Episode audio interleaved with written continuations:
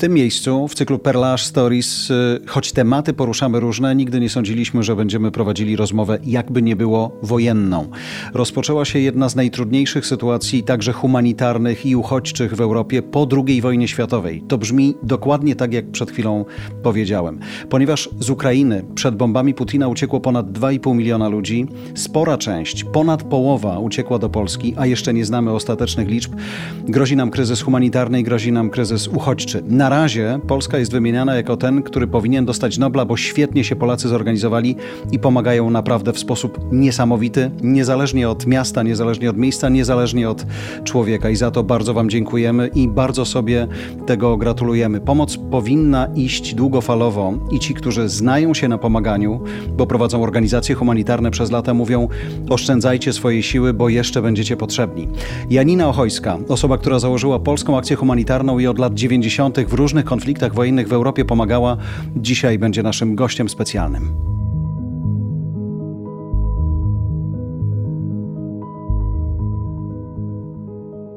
Dzień dobry, Janko. Dawno się nie widzieliśmy, ale dzisiaj właściwie nie ma rozmowy, która by się nie za zaczynała od słów, jak się masz. Tak, e, witam cię serdecznie. Rzeczywiście dawno nie widzieliśmy się. Mam się bardzo dobrze. No, wolałabym lepiej, no ale to już taki czas. Też to, co się dzieje, jednak oprócz tego, że y, tak aktywizuje mnie bardzo, to, to jednak też przygnębia. No, widok e, tych strasznych ruin, ogromnego cierpienia ludzi, no jednak jest, jest przygnębiający. To, że to jest możliwe w takim czasie. Swoją drogą, nawet e, kiedy dzisiaj rozmawiamy o czasach przedwojennych i czasach wojennych, marzy nam się życie w czasach powojennych, ale znów mówili o tym dziadkowie, mówili o tym rodzice, którzy przeżyli II wojnę światową. Dzisiaj, jak popatrzymy na kryzys uchodźczy, to ONZ, każdy właściwie, kto patrzy na to, mówi wprost: nie było takiego ruchu ludzi, takiej ucieczki ludzi od czasów II wojny światowej. To prawda. To prawda, nie było też e, takiej mobilizacji. Myślę, że różne kryzysy uchodźcze e, nauczyły nas czegoś. E, nauczyły nas tego, że ci ludzie będą przybywali do krajów bezpiecznych. Ostatni taki duży konflikt no to Syria i Afganistan. I ludzie, którzy przybywają, potrzebują pomocy. No, trzeba powiedzieć też prawdę, że Polska może nie była za bardzo yy, i Polacy za bardzo entuzjastycznie nastawieni do uchodźców z Syrii czy, czy uchodźców z Afganistanu, również do wcześniejszych grup uchodźczych. No jedynie pamiętam bardzo takie pozytywne nastawienie do uchodźców z Czeczenii, ale to tylko podczas I wojny czeczeńskiej. Później to już yy, propaganda Putina E, właściwie zniechęciła Polaków do pomagania Czeczeńcom, ponieważ Putin pokazał ich jako tych terrorystów, tak, którzy e, napadają na, na e, domy mieszkalne, pod, pod, podkładając bomby, czy atak na, na teatr. Tak. Dubrowka. Mhm. Na Dubrowce. I więc y, my, Polacy, y, niestety dotychczas nie mieliśmy tak naprawdę do czynienia z dużymi grupami uchodźców.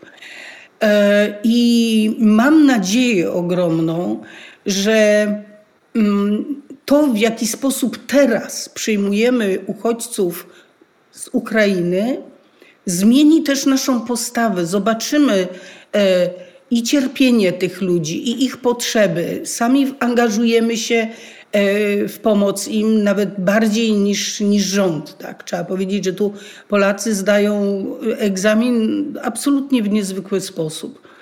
Też to, że e, to jest rzeczywiście po wojnie chyba największy eksodus. Mm, ja myślę, że, że ta wojna może spowodować, że ta liczba, o której kiedyś mówiliśmy, 5 milionów, może nawet być osiągalna. Może być tyle osób, które będą uchodziły z Ukrainy.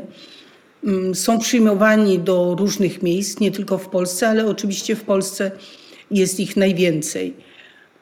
A teraz przybywają grupy, takie, które są grupami bardziej zorganizowanymi, ale dotyczą czy to chorych dzieci, czy niepełnosprawnych osób, czy osób starszych grupowo takie grupy zaczynają do nas docierać i to są grupy, które będą wymagały specjalnego wsparcia, specjalnego traktowania. Mm, specjalnej pomocy. I tutaj, tak i jak do tego e, też z całym szacunkiem oczywiście do wszystkich tych, którzy przyjęli w pierwszym odruchu serca, ale myślę też rozumu. Nie da się tego e, zrzucić tylko na, na, na same emocje. Myślę, że to był też taki duży rozsądek, kiedy widzieliśmy, że to są tacy sami ludzie jak my, że to są tacy sami Europejczycy jak my, którzy po prostu nagle z dnia na dzień muszą uciekać i to w takiej liczbie, ale znów przygotowanie im domu, przygotowanie im opieki przez miesiąc, dwa, trzy, może wyda się jeszcze osiągalne, ale kiedy mm, odpukać, oczywiście życzę, żeby mogli wrócić do kraju i go odbudować po wojnie najszybciej jak się da i tego też zresztą słyszę bardzo, bardzo chcą, to jednak kiedy to się będzie przedłużało, to już tutaj będzie musiało pojawić się e, państwo. I teraz ci, którzy znają się na pomocy, jak ty chociażby, mówią do wszystkich tych, którzy w pierwszym odruchu biegną pomagać powoli. Rozłóżcie siły. Chciałem cię zapytać, Janko, jak mądrze dzisiaj pomagać, żeby rzeczywiście mieć tych sił na dłużej? No, najlepiej byłoby, gdybyśmy byli w tym przeszkoleni, przygotowani do tego. Są kraje, w których takie rzeczy się robi, i wtedy organizowanie tej pomocy oraz świadomość tego, e, w jaki sposób najlepiej pomóc, jest o wiele większa. No ale uczymy, uczymy się w biegu i mam nadzieję, że jak najmniej ludzi otrzyma taką pomoc niewłaściwą. Tak, bardzo dużo uchodźców jest teraz w rodzinach, e, ale można być absolutnie pewnym, że e, za jakiś czas e, te osoby będą musiały zamieszkać gdzie indziej. Część osób poradzi sobie sama. Są, tacy, są takie osoby, oczywiście to jest mniejszość, które mają pieniądze, wynajęły sobie już mieszkania, mieszkają, szukają pracy, dadzą sobie radę. Ale większość to są osoby, które będą potrzebowały naszego wsparcia. E, I dlatego jak najszybciej powinny być przygotowywane miejsca, gdzie te osoby będą mogły się osiedlić. I tutaj hmm, możliwości jest wbrew pozorom sporo. No tylko pytanie, jak najlepiej przygotować warunki dla poszczególnych grup. Bo tak, inne potrzeby będą miały matki z bardzo małymi dziećmi, czy te, które teraz urodzą dzieci. One nie będą mogły pójść do pracy, bo będą się tymi maleńkimi dziećmi musiały zaopiekować. Matki, które mają już dzieci takie, które mogą trafić do żłobka, do przedszkola, do szkoły, e, e, będą szukały pracy i e, one muszą mieszkać gdzieś, gdzie tę pracę będą mogły dostać. Więc e, będą to duże miasta, ale powinny to być też średnie miasta. Znaczy, bardzo trudno jest pokierować takimi grupami, dlatego że ludzie wiedzą, że tak, najlepsza to jest Warszawa, no potem może jeszcze Poznań, Kraków, Gdańsk, Wrocław, już Śląsk mniej. E, no ale tutaj wydaje mi się, że tę rękę muszą podać te miasta, miasteczka, gdzie mogłaby być praca dla tych osób, ponieważ tam najczęściej będzie można znaleźć miejsce zamieszkania. To tam jest najwięcej pustostanów, e, miejsc, gdzie, które można przystosować, gdzie można samodzielnie mieszkać. Więc e, tutaj potrzebna jest inicjatywa z tych gmin, które mogą powiedzieć, dwie rodziny i mamy dla nich e, e, miejsce, prawda? Na przykład nauczycielka może uczyć w szkole, bo będą też dzieci w tej szkole z Ukrainy, może jest lekarz, może położna, no oczywiście mogą być też inne zawody albo bez zawodów. W każdym razie takie miejsce na pewno jest, no tylko trzeba przyciągnąć pracą te, te osoby. E, są osoby, które mają wykształcenie, mogły, znają język, e, nie tylko ukraiński, i mogłyby znaleźć pracę w jakichś firmach. Takie oferty są. No ale tutaj miasta muszą poszukać jakichś miejsc, które można zagospodarować na zamieszkanie dla nich. Pytanie jest, co zrobić z rynkiem wynajmu. Jak popatrzymy też na, nie wiem, historię ostatnich lat, kiedy Ukraińcy emigrowali do, do, do, do Polski, głównie mężczyźni, ale też kobiety, różne to były zawody, różne to były prace. Dzisiaj, kiedy przynajmniej tu w Warszawie słyszę, obserwuję, to jest e, sporo osób, które uciekły, pracowały wcześniej w telewizji, sporo osób, które pracowało w firmach, sporo osób, które pracowało w firmach IT. To są zupełnie inne zawody i teraz myślę, że w nas samych także tych, którzy chcemy pomagać, to jest taka inna odpowiedzialność za to, że będziemy musieli się być może przesunąć w tym naszym rządku, w naszych korporacjach, żeby dla nich także miejsce znaleźć, że to już nie są te zawody, które do tej pory były przez y, ukraińskie kobiety czy mężczyzn y, oblegane. Oczywiście, e, bo przyjechało do nas też trochę, no, że tak powiem, elity, tak, tej elity zawodowej. E, więc mam nadzieję, że dla tych ludzi miejsce się znajdzie, ale te, te osoby będą raczej musiały mieszkać w większych miastach, bo tam tego typu praca będzie. Poza tym część y, y, Ukraińców y, pewnie założy jakieś firmy. U nas na przykład jest e, rodzina y, pani z dwójką dzieci i ona już pracuje, na razie sprząta tutaj gdzieś w okolicznych domach, ale ona razem z swoją przyjaciółką, częściowo rodziną, e, chcą założyć właśnie jakąś firmę. E, jedna z nich jest weterynarką. Więc e, myślę, że rzeczywiście mogą tutaj podjąć jakąś działalność i, i e, w ten sposób zarabiać na życie. Część osób pozostanie na garnuszku państwa. E, będą to osoby starsze, które powinny trafić do jakichś ośrodków, gdzie można by nad nimi roztoczyć opiekę.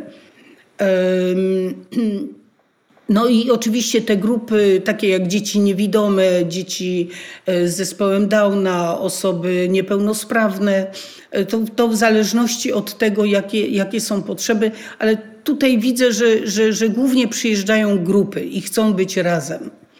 E, więc, ale potrzebni są, na przykład do, do Torunia przyjechała grupa osób z niepełnosprawnościami sprzężonymi, czyli i intelektualna, i, i e, fizyczna, i potrzeba dodatkowo fizjoterapeutów e, ponieważ tutaj przyjechało tylko 5 osób opieki na 60 osób, no to jest bardzo mało. Zostali umieszczeni w dawnym szpitalu psychiatrycznym, no i tam trzeba to wszystko teraz e, urządzić tak, żeby te osoby mogły być pod dobrą opieką. No i tu będzie potrzebna absolutnie pomoc państwa. Tego nie da się zrobić bez pomocy państwa, bez dofinansowania.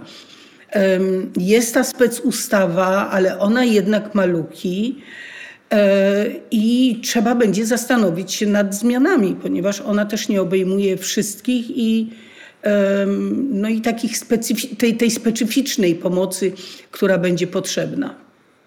Też myślę o tej sytuacji, w której wszyscy się znaleźliśmy. Tu nie uciekają całe rodziny, tutaj uciekają głównie kobiety z dziećmi.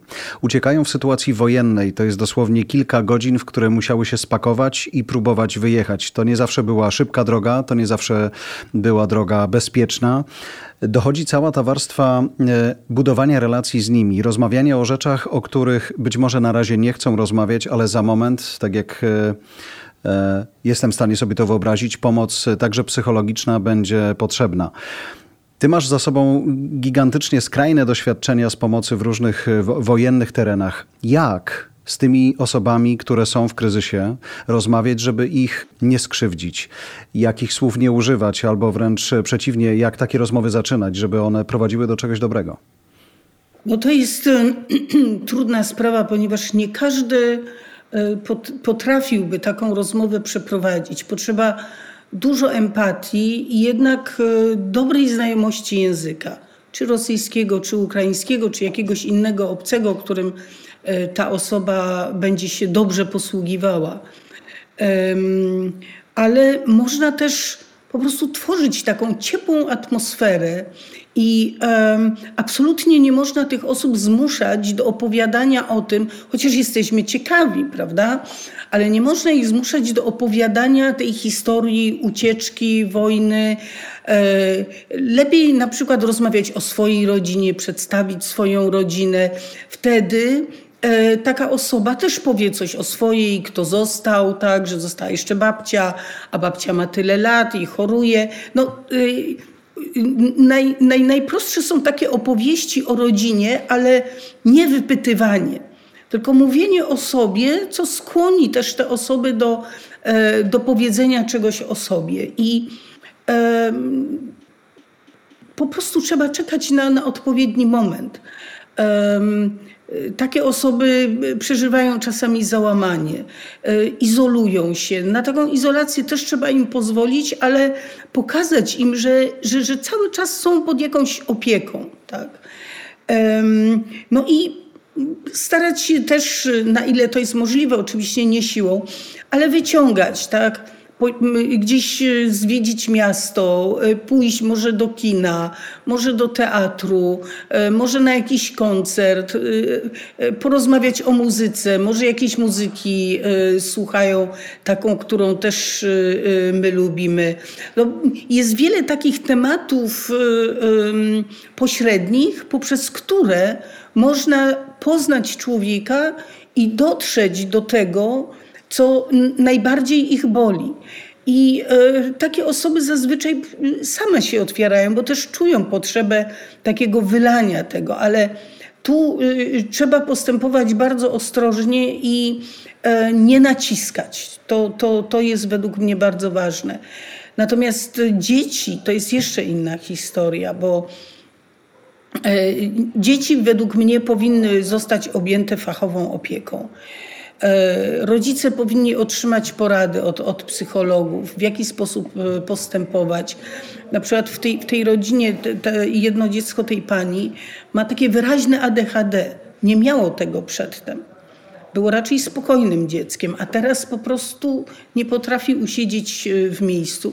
Niewątpliwie to dziecko przeżywa to wszystko, czego, czego było świadkiem. No ale nie, nie wypowie tego, tak? Ma, trzy lata, więc nie potrafi nawet nazwać tego wszystkiego. I tu już potrzeba fachowej opieki, ponieważ jakimś takim naciskaniem albo zbytnim uspokajaniem można wyrządzić dużą krzywdę, można zahamować jakiś proces, który jednak powinien się odbyć.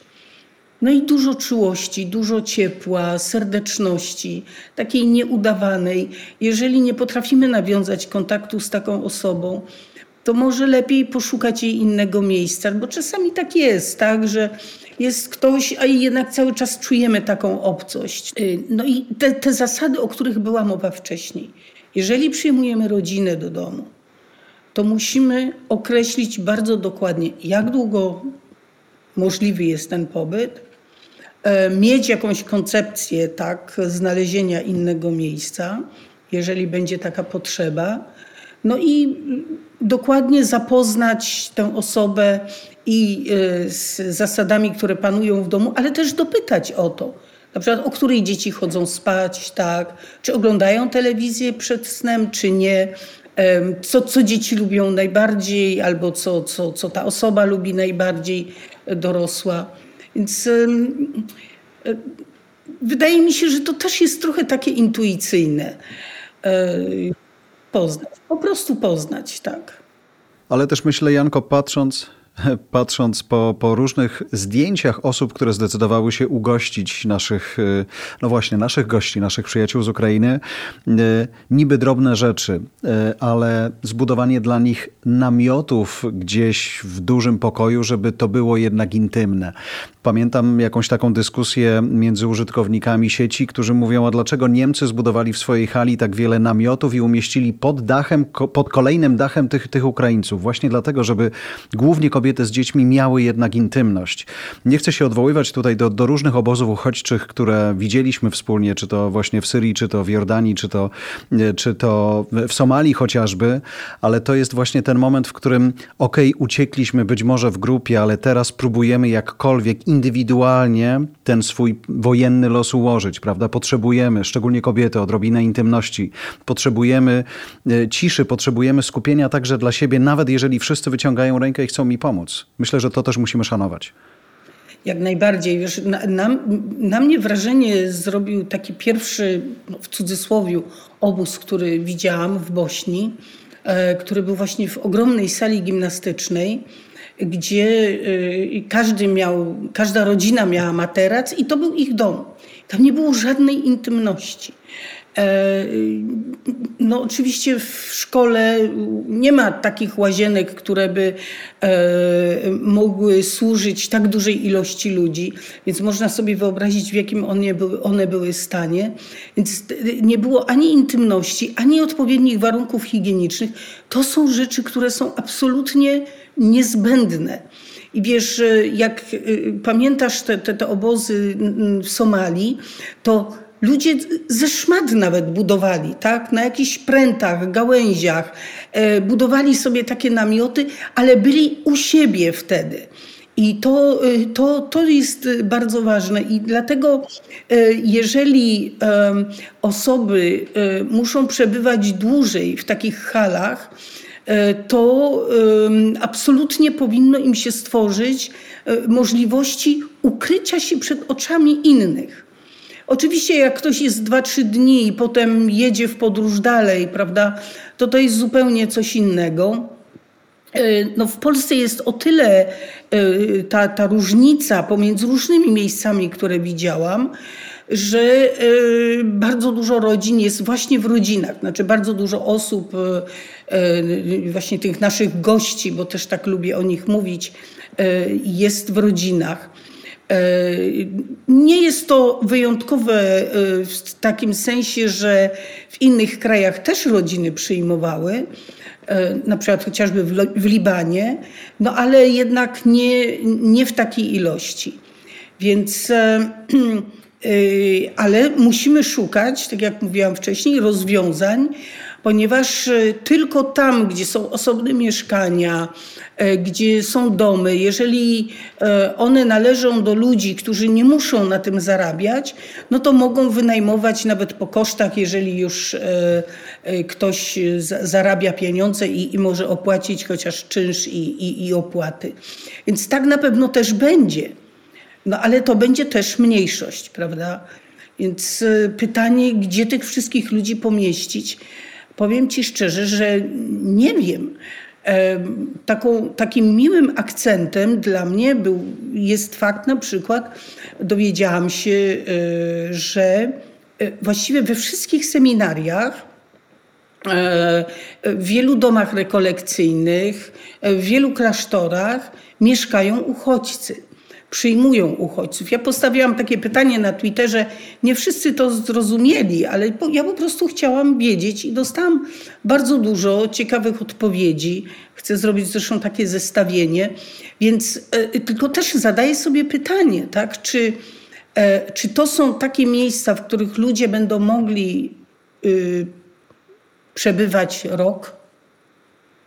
Tego, tego na razie nie wiemy i myślę, że nawet te klasztory, te seminaria tego nie wiedzą. To wszystko zależy od tego, jak ten pobyt będzie przebiegał, z jakimi problemami się spotkają i na ile nasi goście będą mogli być samodzielni.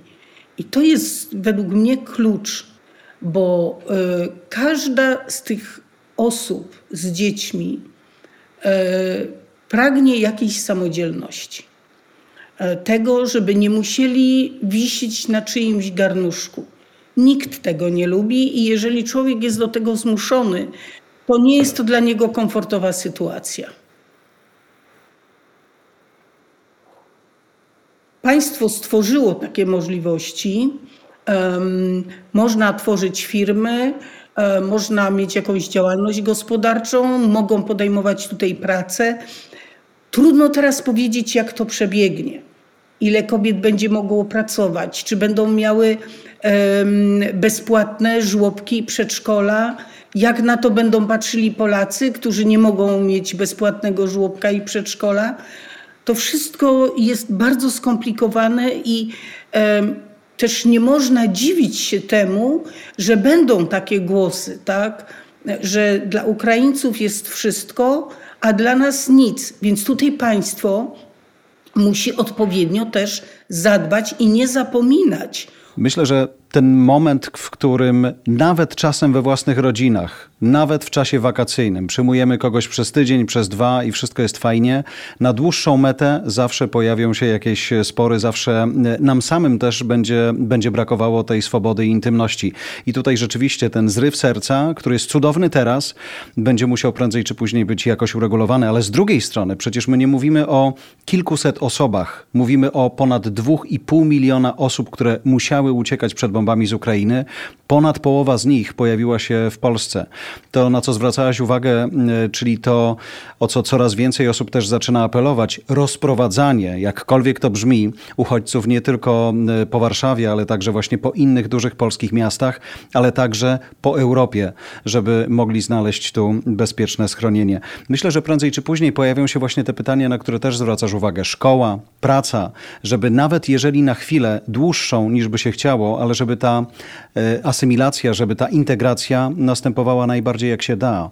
Też zwracając uwagę na sytuację polskiej, polskiej szkoły i na to, jak wiele ukraińskich dzieci teraz do tej szkoły trafiło, myślę, że dla każdego z nas, niezależnie od naszej pozycji społecznej, to jest jakiś sprawdzam. W pracy, poza pracą, ale też w szkole, w przedszkolu, tam gdzie i my, i nasze dzieci też będą musiały zdać egzamin z człowieczeństwa i wspomagania. E, zadzwonił do mnie pan, który e, zorganizował 100 rodzin, e, które chcą przyjąć rodziny ukraińskie i był gotów po nie, po nie przyjechać. Wiem od prezydenta Warszawy, również od prezydenta Wrocławia, że organizują autobusy nawet zawożące ludzi do Włoch, do Hiszpanii, do, do Portugalii.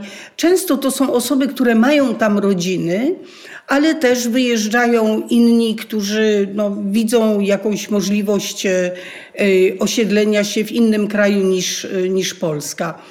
Więc e, na razie nikt nie wie, ile osób w Polsce pozostało, pozostanie. Myślę, że po zakończeniu tego procesu nadawania numeru PESEL e, będziemy wiedzieli, ile dokładnie takich osób zostało. Na pewno będzie ich więcej niż milion. E, bo przecież jeszcze cały czas uchodźcy napływają.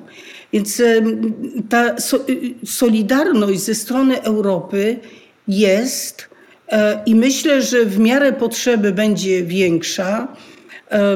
Na pewno nie jesteśmy w tym sami. No ale też musimy nauczyć się stosować podobne zasady i podobne standardy. To jest niezwykle ważne, ponieważ no, uważam, że absolutnie powinna zostać rozwiązana sprawa jakby dwóch granic. Tak? Jest granica białoruska, przez którą też próbują się przedostać osoby uciekające przed wojnami z Jemenu, z Syrii, e, z Afganistanu, z Iraku.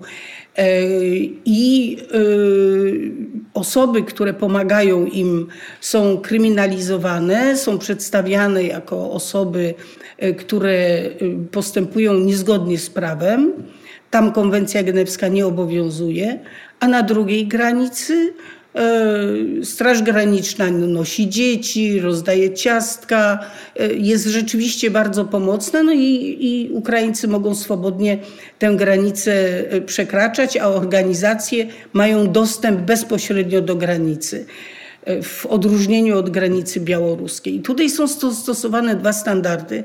Ja bardzo się temu sprzeciwiam na moich mediach społecznościowych Dostaję za to baty od różnych ludzi, mówiąc bardzo oględnie.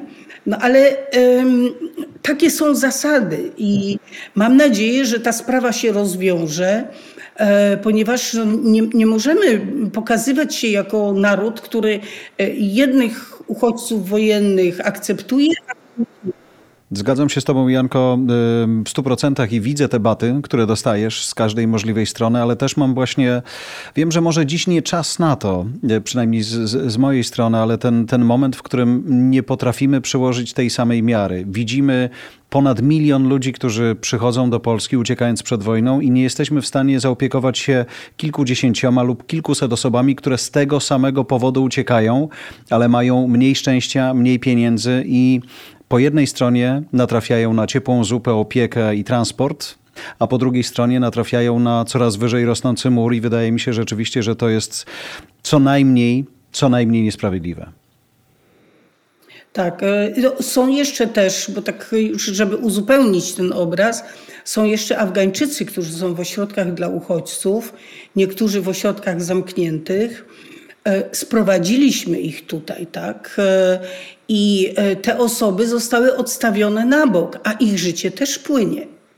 Oni też szukają bezpiecznego miejsca i uważam, że nie można ich zostawić E, wiem, jak to wygląda, ponieważ zajmuję się tą sprawą. Teraz umieszczamy dwie rodziny we Wrocławiu, jedną umieściliśmy już w Gdyni. E, są, jest jeszcze kilka osób, które, które pracują nad tym, ale znowu to są osoby prywatne, tak? Państwo tutaj odłożyło tę sprawę na bok, a życia nie da się odłożyć na bok. Więc to jest może taka trochę gorzka pigułka w tym całym no, wspaniałym e, e, poruszeniu ruchu, empatii ogromnej Polaków. No ale trzeba powiedzieć, że, że to jest ważne, żeby o tym sobie przypominać, żeby właśnie nie, nie odkładać kogoś na bok. W Polsce wystarczy miejsca. Też mam świadomość tego, że Ukraińcy, którzy tutaj przychodzą y, do, do Polski, y, raczej będą krótko, chyba że ta wojna przemieni się w taką wojnę partyzancką, wojnę, gdzie no, Rosja będzie górą, ale Ukraińcy nigdy się nie poddadzą. I przekształci się to w wojnę partyzancką, trochę tak jak na niektórych obszarach Syrii. E, i może taka wojna bardzo długo trwać, no wtedy te osoby będą musiały znaleźć sobie, znaczy zostaną u nas na dłużej, niektóre być może na zawsze. Ja pamiętam, jak było z uchodźcami z Bośni we Francji, bo u nas właściwie tych uchodźców nie było. E, tam dziewczęta powychodziły za mąż. E, no, tak się pozmieniała sytuacja. Ta wojna trwała na tyle długo, że część osób już po prostu nigdy nie, nie wróciła. E, trudno jest wyrokować, jak, jak to wszystko się potoczy, ale musimy to wszystko brać pod uwagę i co ważne, planować. E, robić plany i wiedzieć, jaką będziemy mieli strategię. Jeżeli tak, to tak. Jeżeli będzie inaczej, to zrobimy to i to, żeby wiedzieć, jakimi zasobami dysponujemy i jeżeli trzeba będzie prosić o pomoc, żebyśmy wiedzieli dokładnie, o co musimy poprosić.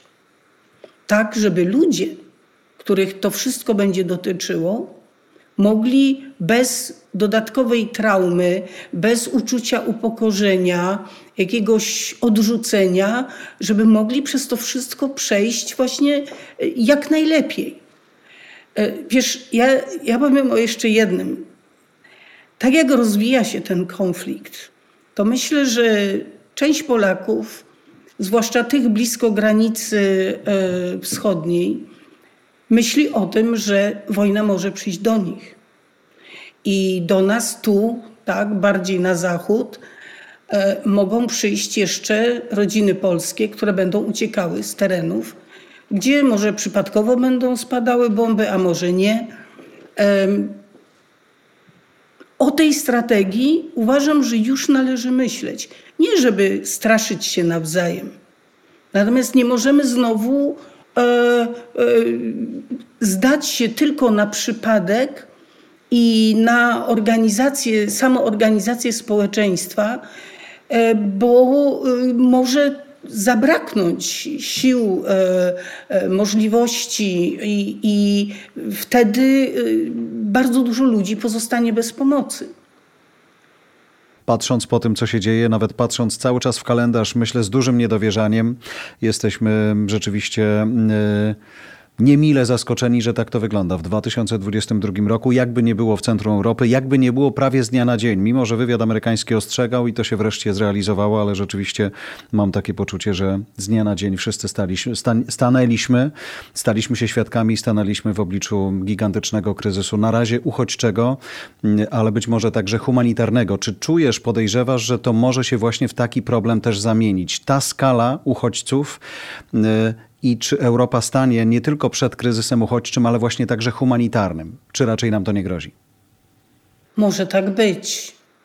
E, może tak być, dlatego że tak duży napływ ludności, przecież to się może jeszcze zwiększyć. E, no, jeżeli weźmiemy pod uwagę najgorsze przewidywania, to e, możemy mieć do czynienia z kryzysem, również humanitarnym, ponieważ zarówno na ziemi ukraińskiej, jak i jeżeli tak potoczą się losy wojny, więc może to dotyczyć również naszych wschodnich terenów, e, nie chcę już mówić więcej, e, gdzie przychodzi wiosna, to trzeba siać. Bo trzeba siać, żeby potem mieć co jeść, prawda? Um, ogromny obszar ziem jest jakby wyjęty spod e, e, rolnictwa, spod upraw. W związku z czym trzeba będzie tej żywności szukać gdzie indziej. E, na świecie jednak mamy do czynienia z głodem. Więc do wszystkiego oczywiście nie da rady się przygotować, ale musimy to brać pod uwagę. Czyli być może, że my tak jak mówiłeś, że trzeba się trochę posunąć na tej ławce, na przykład w jakichś korporacjach, żeby Ukraińcy też mogli znaleźć zatrudnienie, tak samo i my może będziemy musieli się trochę posunąć w takim naszym jednak no, zamożnym życiu. Większość z nas żyje dobrze. Nie głodujemy, mamy dobre jedzenie, mamy właściwie dostęp do, do, do najróżniejszych dóbr, e, które mogą być ograniczone. E, ja wierzę w to, że, że Polacy będą w stanie się podzielić. No ale mam też nadzieję, że, że do tego nie dojdzie, że, że to jest takie mówienie o tym, co może być nie po to, żeby straszyć, tylko po to, żeby umieć się przygotować na wszelkie ewentualności. Janko, myślę, że możemy w tym momencie zakończyć naszą rozmowę. Ja bardzo Ci dziękuję za Twój czas, za spotkanie, za opowieść i za kontekst. Wiem, że tak jak mówisz, y, zdarzają się baty za szczerość, ale ja tę szczerość cenię, szczególnie, że to, co wydaje mi się jest bardzo, szczególnie w tak trudnych konfliktach jak wojenny, ważne, wszyscy wiemy, że pierwsza umiera prawda, a potem wszyscy stajemy się nagle specjalistami i wydaje nam się, że wiemy. A patrząc historycznie na te doświadczenia wojenne, które Ty masz za sobą i sposób organizowania pomocy, tej wiedzy właśnie wydaje nam się brakuje, żebyśmy byli gotowi i żeby żebyśmy, tak jak mówisz, mieli plan na to, co może przyjść w przyszłości, bo wiemy, że ona potrafi nas wszystkich, niezależnie od tego, czy żyjemy w Waszyngtonie, w Berlinie, w Brukseli czy w Warszawie, bardzo mocno zaskoczyć. Bardzo Ci dziękuję i uważaj na siebie.